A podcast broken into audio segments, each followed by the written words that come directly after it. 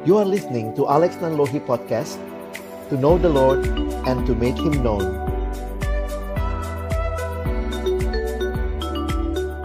Bapa di dalam surga kami bersyukur kepadamu Tuhan karena sungguh nyata apa yang kami dengar dari apa yang di-sharingkan oleh Kak makin meneguhkan kami bahwa sungguh Engkaulah Allah, pemimpin hidup dan pelayanan kami. Karena itu kami juga kembali akan membuka firman-Mu, bukalah juga hati kami. Jadikanlah hati kami seperti tanah yang baik, supaya ketika benih firman Tuhan ditaburkan, boleh sungguh-sungguh berakar, bertumbuh, dan berbuah nyata di dalam kehidupan kami. Berkati hambamu yang menyampaikan setiap kami yang mendengar, Tuhan tolonglah kami. Agar kami bukan hanya jadi pendengar-pendengar firman yang setia, tapi mampukan dengan kuasa dari rohmu yang kudus. Kami dimampukan menjadi pelaku-pelaku firman-Mu di dalam kehidupan kami. Sabdalah ya Tuhan kami umatmu sedia mendengarnya, dalam satu nama yang kudus, nama yang berkuasa, nama Tuhan kami Yesus Kristus. Kami menyerahkan pemberitaan firman-Mu. Amin. Teman-teman yang dikasihi Tuhan, saya akan coba share satu presentasi PowerPoint yang saya siapkan untuk hari ini.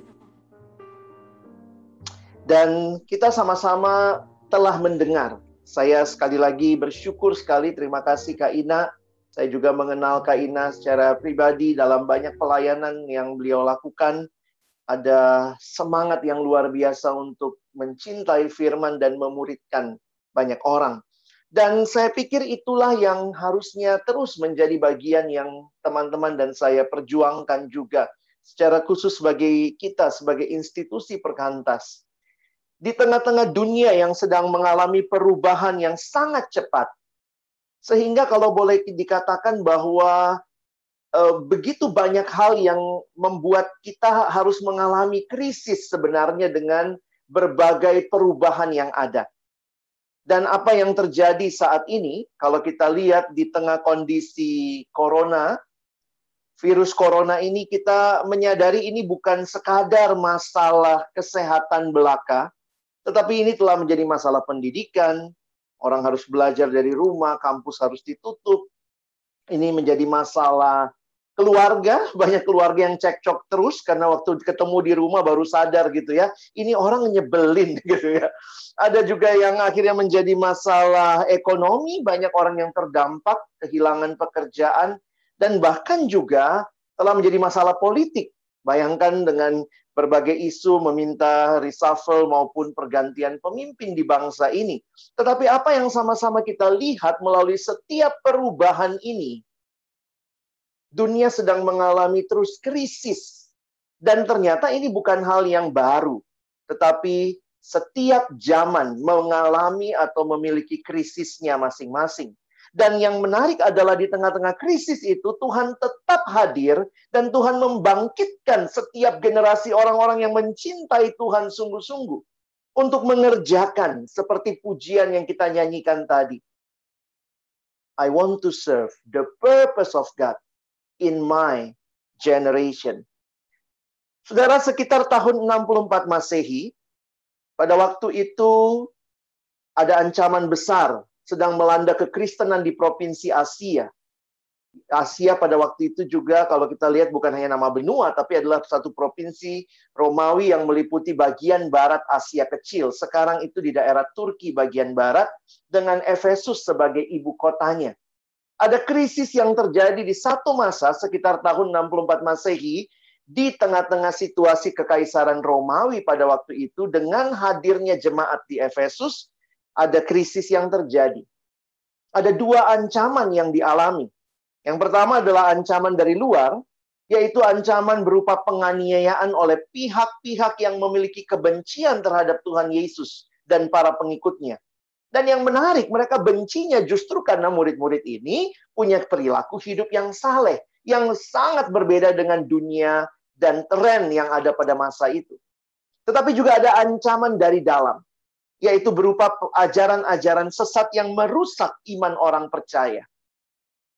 Nah, di tengah-tengah krisis ini, dari luar, dari dalam, maka kita melihat pada waktu itu, tahun sekitar 64 Masehi, menjelang akhir masa pemerintahan Nero sang kaisar, Rasul Paulus ditangkap dan harus menjadi penghuni penjara di kota Roma.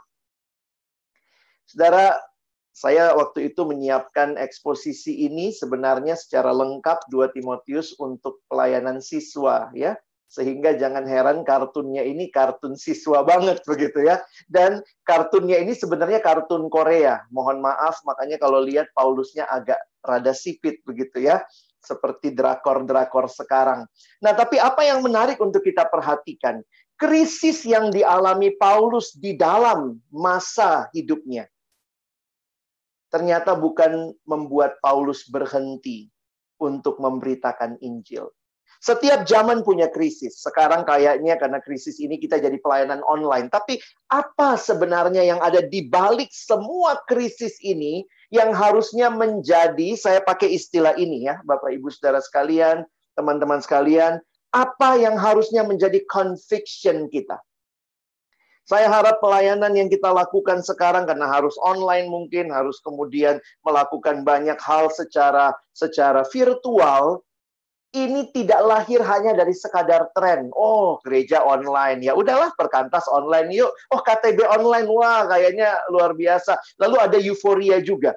Karena online ini kan kayaknya makin banyak orang yang tidak bisa ikut jadi bisa ikut. Tetapi pertanyaannya, apa sih sebenarnya yang mendasari?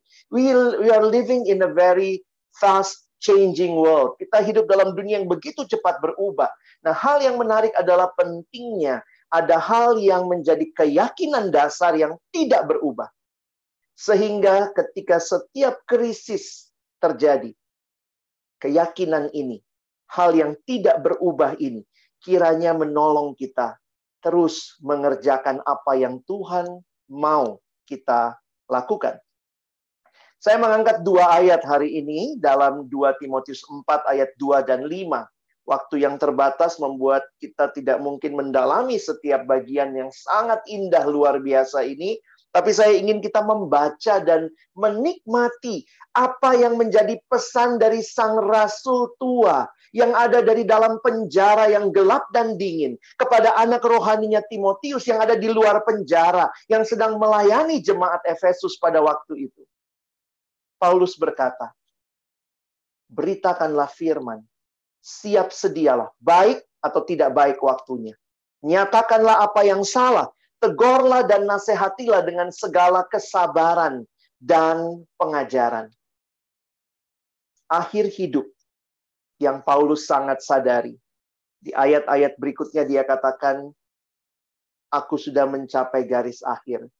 Sebentar lagi aku akan berhadapan dengan kematian. Tetapi pesan ilahi yang Paulus sampaikan bukanlah pesan, tolong ya nanti di nisan saya tulisnya ini ya. Tolong ya nanti saya senangnya kue ini begitu ya sebelum nanti saya meninggal tolong bawa kue ini dan seterusnya. No. Pesan ilahi yang diteruskan adalah beritakanlah firman. Siap sedialah. Baik atau tidak baik waktunya. Nyatakanlah apa yang salah. Tegurlah dan nasihatilah dengan segala kesabaran dan pengajaran tapi pada saat yang sama sebagai seorang pemberita Injil diingatkan kepada Timotius, tetapi kuasailah dirimu dalam segala hal. Sabarlah menderita, lakukanlah pekerjaan pemberita Injil dan tunaikanlah tugas pelayananmu. Teman-teman yang dikasihi Tuhan, tadi kita sudah mendengar ada orang-orang yang menangkap visi begitu jelas mulai dari Kahina sampai sharing yang kita dengar dari teman-teman tadi. Dan ini menjadi satu keyakinan bahwa visi itu harus diteruskan. Allah telah memanggil kita untuk boleh mengalami hidup yang diubahkan. Dan itu menjadi hidup yang kita jalani dan kita rindu menolong orang lain. Mengalami hidup yang sama. Karena itu dalam satu kesimpulan, saya senang dengan kesimpulan ini menyimpulkan dua ayat ini dengan kalimat beritakanlah firman. Kalau kita mengingat hal ini, mungkin kalau kita sekarang bayangannya beritakanlah firman. Wah, KKR, undang sekian ribu orang. Jangan lupa ini abad pertama. Waktu Paulus ngomong sama Timotius, beritakanlah firman. Kekristenan bukan mayoritas. Tetapi ini bicara pelayanan-pelayanan kelompok, saya percaya, bahkan pelayanan personal. Banyak orang mengartikan 2 Timotius 4 ayat 2 sebagai KKR besar. Memang betul, di situ terjadi pemberitaan firman. Tapi kalau kita mengingat konteks pada waktu itu, Paulus mengingatkan Timotius, beritakanlah firman. Bukannya Timotius harus jadi pembicara KKR. Tetapi ketika dia dengan kesehariannya dalam jemaat, dia menyampaikan firman Tuhan, memuridkan orang-orang dengan firman yang begitu indah, kaya, ajaib. Luar biasa tadi Kak Ina mendeskripsikannya buat kita karena itu pengalaman hidup. Bukan sekadar sesuatu di luar diri, tapi firman menyatu dengan kehidupan.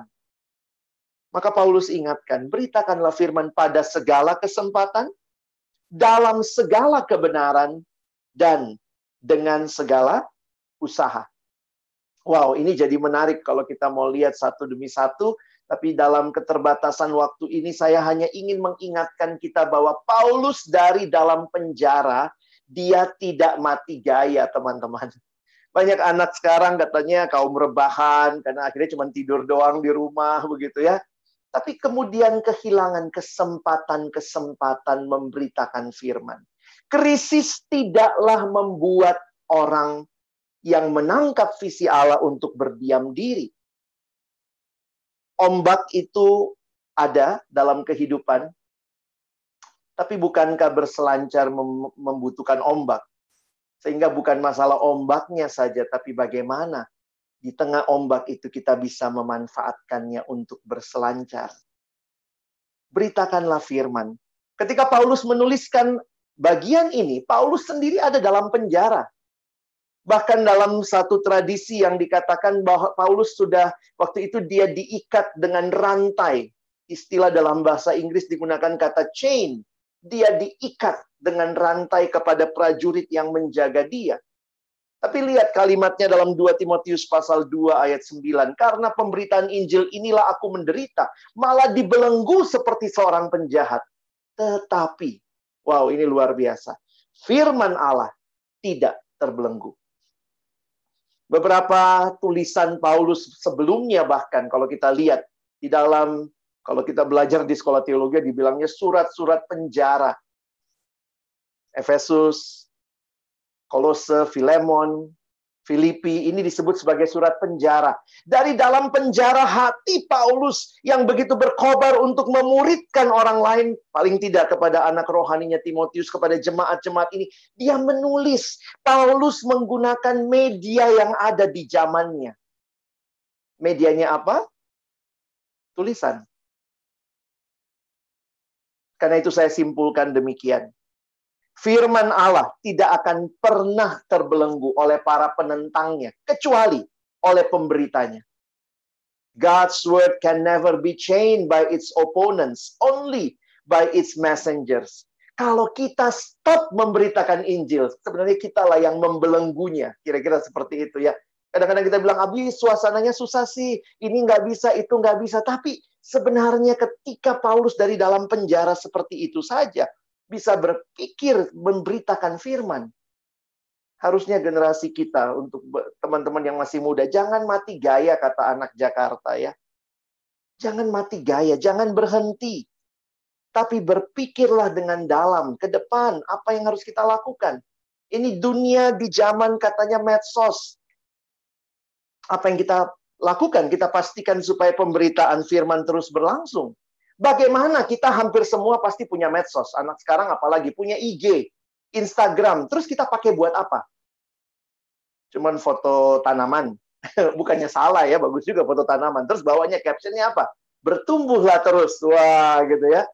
Sehingga saya harus katakan bagaimana kita melihat ada panggilan yang tidak berubah, bahwa firman harus diberitakan karena orang perlu mendengar tentang Kristus, mereka perlu mengalami keselamatan yang kekal, dan bagaimana kita memberitakan itu melalui semua hal yang teman-teman dan saya miliki saat ini. Injil harus diteruskan. Pemuridan bukan menjadi hal yang berhenti di masa pandemi. Paulus ingatkan, waktu krisis ini dari dalam penjara ngomong begini, Timotius, apa yang kau dengar daripadaku di depan banyak saksi, percayakanlah itu. Paulus ingatkan Timotius jangan berhenti pada dirimu. Paling tidak ada empat generasi yang muncul di ayat yang singkat ini. Paulus, Timotius, orang-orang yang dapat dipercayai, dan orang lain yang akhirnya mengalami dampak yang luar biasa. Visi yang besar, murid yang memuridkan bukan hanya digaungkan ketika suasana normal, tetapi dalam new normal, kalau kita pakai istilah itu ya. Dari dalam penjara, suratnya mengingatkan, teruslah memuridkan. Murid yang memuridkan. Saya nggak tahu teman-teman kalau jadi Paulus, Pernah nggak membayangkan? Saya coba bayangkan gini ya. Kalau Paulus mungkin hidup sekarang, mungkin Paulus akan terus-terusan nulis di medsos ya. Itu bayangan saya. Karena bayangkan, dalam penjara aja, waktu itu kan nggak gampang ya dapat perkamen gitu, untuk nulis. Dia bisa lahirkan berapa surat itu? Empat surat, ya terus kemudian tambah dua Timotius itu surat-surat yang ditulis dari dalam penjara pasti nggak murah pasti nggak mudah Gimana cara dapatnya? Dia berjuang nampaknya. Lalu kemudian dia mendiktekan, orang menuliskan, dan seterusnya. Saya pikir luar biasa. Mungkin ini mirip seperti kita sekarang ya. Ayolah punya duit dikit untuk beli kuota ya. Ayo kita sama-sama melihat demi apa? Demi terjadinya visi ini murid yang memuridkan. Saudara saya bersyukur pernah kenal Mas Gun ya dan banyak hal kami di Perkantas di nasional secara khusus juga ketika banyak interaksi dalam pemuridan terakhir dalam satu satu konsultasi pemuridan bersama saya pikir wow gitu ya. Saya juga belajar banyak dari Mas Gun. Walaupun usianya lebih tua dari saya tapi bagi saya menarik juga ya Mas Gun pengguna media, sosial yang luar biasa ya. Semoga Kak Mona masih mengenang ini juga begitu ya. Uh, saya cek beberapa status Twitternya Mas Gun gitu ya uh, saya lagi mikir gitu, kalau Mas Gun masih Tuhan kasih, seandainya Mas Gun masih hidup saat ini, mungkin dia akan terus nulis karena sebelum sebelum pandemi pun Mas Gun di waktu yang lalu ini 2017 loh udah sering nulis gitu. Terus banyak orang yang waktu waktu pandemi gini mati gaya. Please. Ini kesempatan ketika banyak orang lagi setiap hari scroll medsos karena nggak tahu mau ke mana juga. Apakah status-status kita yang sederhana, yang mungkin kita pikirkan dengan dalam, kita doakan waktu nge-tweet akan jadi berkat. Dan bagi saya banyak orang yang masih sampai hari ini, kadang-kadang pagi-pagi saya lihat di media sosial, masih meretweet ataupun men-screenshot atau memposting ulang status-status Mas Gun. Tugas utama seorang murid adalah menyembah Tuhan, baru kemudian melayani sesama dengan kuasanya. Online ministry bukan satu pilihan karena pandemi. Bahkan ke depan saya pikir online ministry ini akan menjadi pelayanan yang menambahkan pelayanan yang sudah kita lakukan selama ini, pelayanan-pelayanan offline. Karena itu saya ingin ingatkan beberapa hal penting ketika kita terus melakukan pelayanan online ini ya, ke depan kayaknya kita masih akan terus melakukannya Mari kita ingat kembali karena di balik ini semua bagi saya prinsip pemuridan masih harus terjadi. Dan prinsipnya belum berubah ya. Karena itu saya tuliskan demikian. Prinsip pelayanan prinsip penting dalam pelayanan online adalah engagement. Butuh engagement. Lebih daripada sekadar membagi konten. Wah, ini ini kalau anak sekarang yang ngerti YouTube gitu ya, ada istilah sebenarnya. Jadi kalau di tengah YouTuber sekarang, itu influence itu tidak diukur atau pengaruh itu tidak lagi diukur dari berapa banyak follower, bukan itu. Tetapi dilihat dari engagement. Wah, ini istilah yang sebenarnya sering kali dipakai dalam dunia influencer saat ini. Poinnya misalnya begini, kalau kamu punya seribu follower, apakah engagementmu tinggi atau tidak? Engagement itu diukur dari ketika kamu live misalnya berapa yang nonton, Lalu dari yang nonton itu berapa yang komen? Lalu dari yang komen itu berapa yang nge-like? Lalu kemudian berapa yang nge-share? Makanya lihat YouTuber semua ngomong, jangan lupa ya follow, like, subscribe, share. Wow, ini engagement, keterlibatan secara utuh. Jadi bukan hanya ini ini yang saya lihat juga di beberapa tempat pelayanan online cuman kayak gini. Saya udah posting ke YouTube, sudah yang penting orang nonton, bisa kebaktian online. Tapi bukan hanya berhenti sampai di situ. Kita mesti berpikir dengan lebih kreatif bagaimana tetap dalam pelayanan online terjadi keterlibatan secara utuh. Bukan hanya share knowledge. Di sinilah kita melihat bahwa ternyata pemuridan bisa berjalan bersama. Dan jangan pikir nggak bisa gitu ya. Saya, saya tadi sempat ngecek gitu ya, lihat gitu ya. Statusnya Mas Gun itu, sorry ya, saya bicara Mas Gun lagi. Kan statusnya itu hampir tiap hari jadi sebenarnya kalau kita misalnya secara teratur itu yang namanya konsisten ya untuk terus bisa mempost sesuatu sebenarnya cara Tuhan yang ajaib di generasi ini akan menolong kita juga bersama dengan adik-adik yang kita layani. Setiap pagi mungkin men-share firman Tuhan. Saya senang kalau dengan Kak, Ina itu biasanya grup BGA itu akan wajib share tiap hari gitu ya Please, ini satu kesempatan yang yang indah untuk kita menikmati. Pemuridan tetap terjadi, saling berbagi. Kenapa? Kehidupan iman itu nggak cukup hanya hanya di dibicarakan gitu ya. Perlu ditransfer dengan dalam. Dan nikmatilah bahwa ketika berbicara tentang tentang uh, online online ministry sekarang kita masih bisa melakukannya pasti ada yang hilang. Itu kita nggak bisa tutup mata ya, sehingga kadang-kadang banyak orang yang uh, sibuk dengan aduh sekarang nggak bisa begini, nggak bisa begitu. Tapi yang saya coba pikirkan, kenapa kita nggak melihat apa yang bisa kita maksimalkan dalam pelayanan ini? 2 Timotius 3 ayat 10-11, Paulus ingatkan sama Timotius, kamu telah ikut ajaranku, cara hidupku, pendirianku, kalau sekarang kita dengan adik-adik yang kita muridkan berkomunikasi secara secara virtual dunia maya tapi kita rutin kita doakan mereka kita tanya kabarnya setiap hari kita bisa lakukan itu mungkin secara teratur maka kita akan bisa menyampaikan pendirian kita. Mereka belajar kasih kita yang akhirnya bukan sekadar sesuatu yang klise. Nah ini yang pertama yang saya pikirkan dalam prinsip pelayanan online. Kiranya kita pun tetap melihat prinsip-prinsip pemuridan harus kita maksimalkan. Ada yang tidak tercapai karena ada yang bilang iya kan HP nggak bisa memeluk adik kita waktu dia sharing, nggak bisa nepuk-nepuk pundak dia. Oke, okay, betul. Tapi apa yang HP bisa lakukan? Kira-kira begitu ya. Apa yang WhatsApp bisa lakukan? Apa yang Instagram bisa lakukan?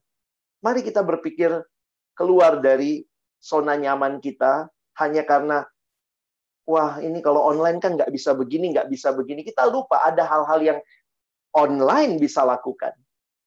Dan tadi Kak Ina udah sharing gitu ya, bagaimana sekarang bisa KTB dari berbagai negara.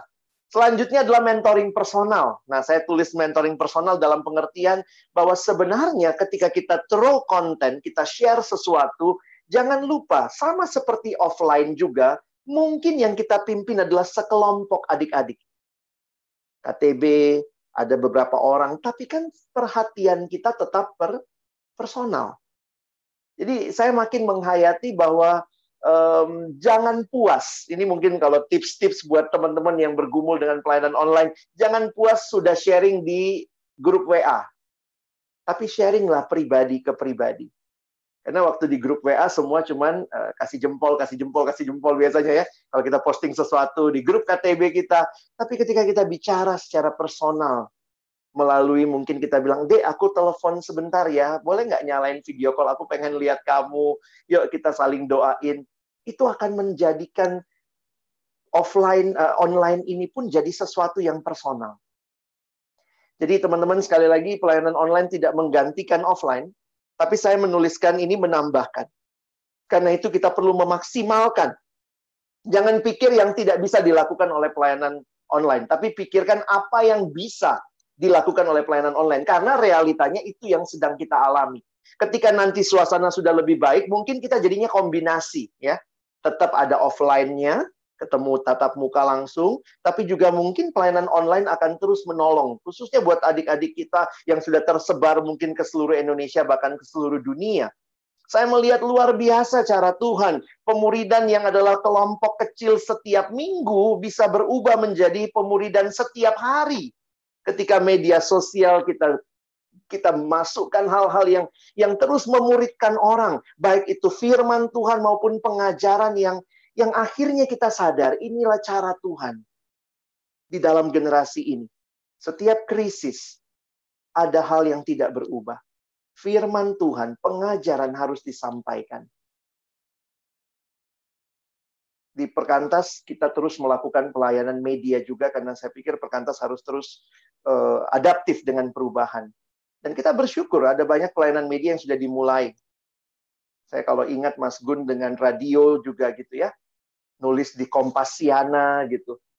Um, ada beberapa status-status saya cek gitu ya, iya ya ini di di jadi pelayanan radio gitu ya dan saya pikir juga beberapa teman-teman melanjutkan itu ya Mas Indu, Mas uh, Cucu atau yang lain dengan punya pelayanan-pelayanan yang kita nggak cuma sekedar diam. Di mana banyak orang hadir, biarlah kita pun hadir memberitakan firman, bukan ngeramein medsos hanya supaya dapat banyak follower, posting yang aneh-aneh supaya viral begitu ya. Sehingga nanti kita akan berpikir ke depan. Saya pikir ini saya tidak bisa membahas mendalam, tapi sebagai pemantik buat kita untuk mari kita coba pikirkan. Mungkin kita perlu lebih dalam memikirkan apa kekuatan offline, apa kekuatan online. Kalau kombinasi nanti bagaimana jadinya. Nah ini butuh kreativitas. Nah kreativitas sebenarnya bukan masalah. Jadi dulu orang suka ngomong, wah dia tuh kalau mimpin lucu, wah itu anaknya kreatif Kreativitas adalah berhubungan dengan proses berpikir. Setiap kita yang mau berpikir mendalam, kalau kita tahu firman harus diberitakan, kita pikir mendalam bagaimana disampaikan. Waktu kita mau mikir, sebenarnya kreativitas mulai di situ. Jadi ini definisi kreativitas kalau kita ikut kuliah gitu ya. Di psikologi itu ada kuliah kreativitas. Dan ternyata setiap orang bisa kreatif, asal mau mikir aja gitu, kira-kira begitu ya dalam anugerah Tuhan, kalau Tuhan sudah berikan kepada kita satu unchanging, unchanging vision, lalu kita berpikir dengan mendalam secara pribadi, secara kelompok, secara perkantas di Solo, apa yang akan kita lakukan? Kita buat kombinasi dari apa yang ada. Kita lihat informasi, unsur-unsur yang ada, dan menciptakan. Tidak semuanya harus benar-benar baru, tapi bisa merupakan gabungan. Dan ini adalah sesuatu yang saya pikir ini generasi perkantas yang muda-muda, adik-adikku kalian yang mungkin akan lebih lebih bisa cepat dibanding ya dibanding kami ya. Saya sih nggak berasa tua juga ya. Kadang-kadang lupus teman-teman lupa usia. Tapi poin saya adalah uh, mari kita berpikir dengan dalam untuk pelayanan ini. Ini perubahan, ini kesempatan. Dan saya tutup dengan perenungan ini, 2 Timotius 4, masih di 2 Timotius, di ayat yang ketujuh, Paulus menggunakan satu kalimat yang menarik. Aku telah mengakhiri pertandingan yang baik. Saya coba baca, lihat beberapa terjemahan, semuanya sama. Bukan pertandingan dengan baik. Jadi kalimatnya memang bukan pertandingan dengan baik. Saya yakin pasti juga Paulus menyelesaikan pertandingan dengan baik. Tetapi kalimat yang dia tulis di 2 Timotius 4 ayat 7, aku telah mengakhiri pertandingan yang baik. Teman-teman, kalau kita sudah pegang visi itu, bagaimana kita sampai akhir? Kalimatnya bukan begini. Saya telah, aku telah mengakhiri pertandingan dengan baik. Kalau pertandingan dengan baik, siapanya yang baik? Sayanya. Tapi kalau pertandingan yang baik, yang mana yang baik? pertandingannya. Wow, dari dalam penjara, matinya di penjara, tiba-tiba ngomongnya begini sama Timotius. Tim, Timotius, aku telah mengakhiri pertandingan yang baik. Teman-teman, jalan pemuridan, jalan memuridkan, bukan jalan yang populer. Bahkan mungkin sepi pujian, karena kelihatannya tidak ada hasil langsung depan mata. Tapi Paulus melihat dan bilang sama Timotius, "Aku telah mengakhiri pertandingan yang baik."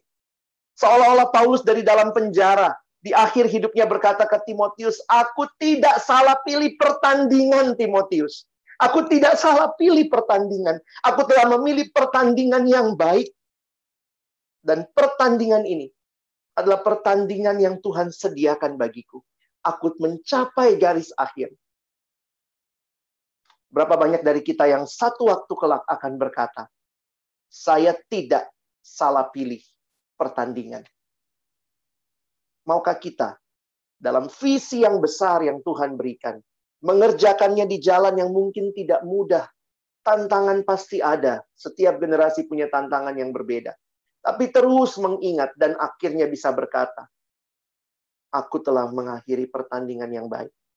Aku tidak salah pilih pertandingan. Inilah yang Tuhan berikan.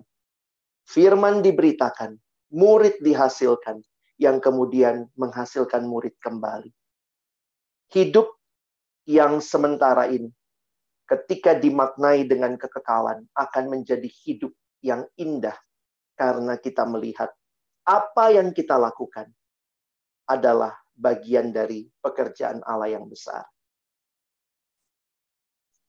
Kutipan-kutipan seperti ini selalu mengharukan hati bahwa melihat fananya hidup, tapi bersyukur sejak saat ini di hidup yang fana, waktu melihat kepada kekekalan, maka semua yang kita lakukan sekarang punya makna yang dalam. Selamat ulang tahun. Tuhan Yesus memberkati. Amin. Mari kita berdoa. Bapa dalam surga kami bersyukur buat firman-Mu. Terus mengingatkan kami, membakar hati kami untuk memandang kepada Allah. Terima kasih karena kesempatan ini. Tuhan kembali meneguhkan panggilan yang Tuhan berikan bagi kami sebagai murid yang terus memuridkan. Terima kasih di generasi ini. Dalam krisis secara khusus yang kami alami, ada hal yang tidak berubah, yang kami pegang.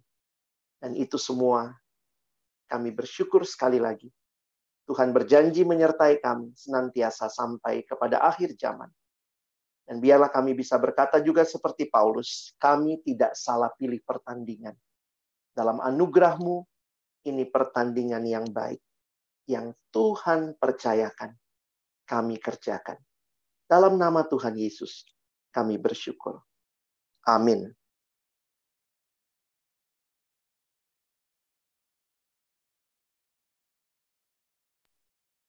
Baik, terima kasih Kak Alek untuk uh, sama-sama firman yang dibagikan, sungguh menggetarkan hati saya. saya sendiri dikubarkan kembali baik dari Kak Ina yang berbagi bagaimana dulu memulai pelayanan menangkap visi Allah dan kemudian memulai pelayanan dan terima kasih Kak Alek mengingatkan kembali bahwa ini pertandingan yang baik yang terus akan dikerjakan. Terima kasih Kak Alek untuk pengajarannya hari ini.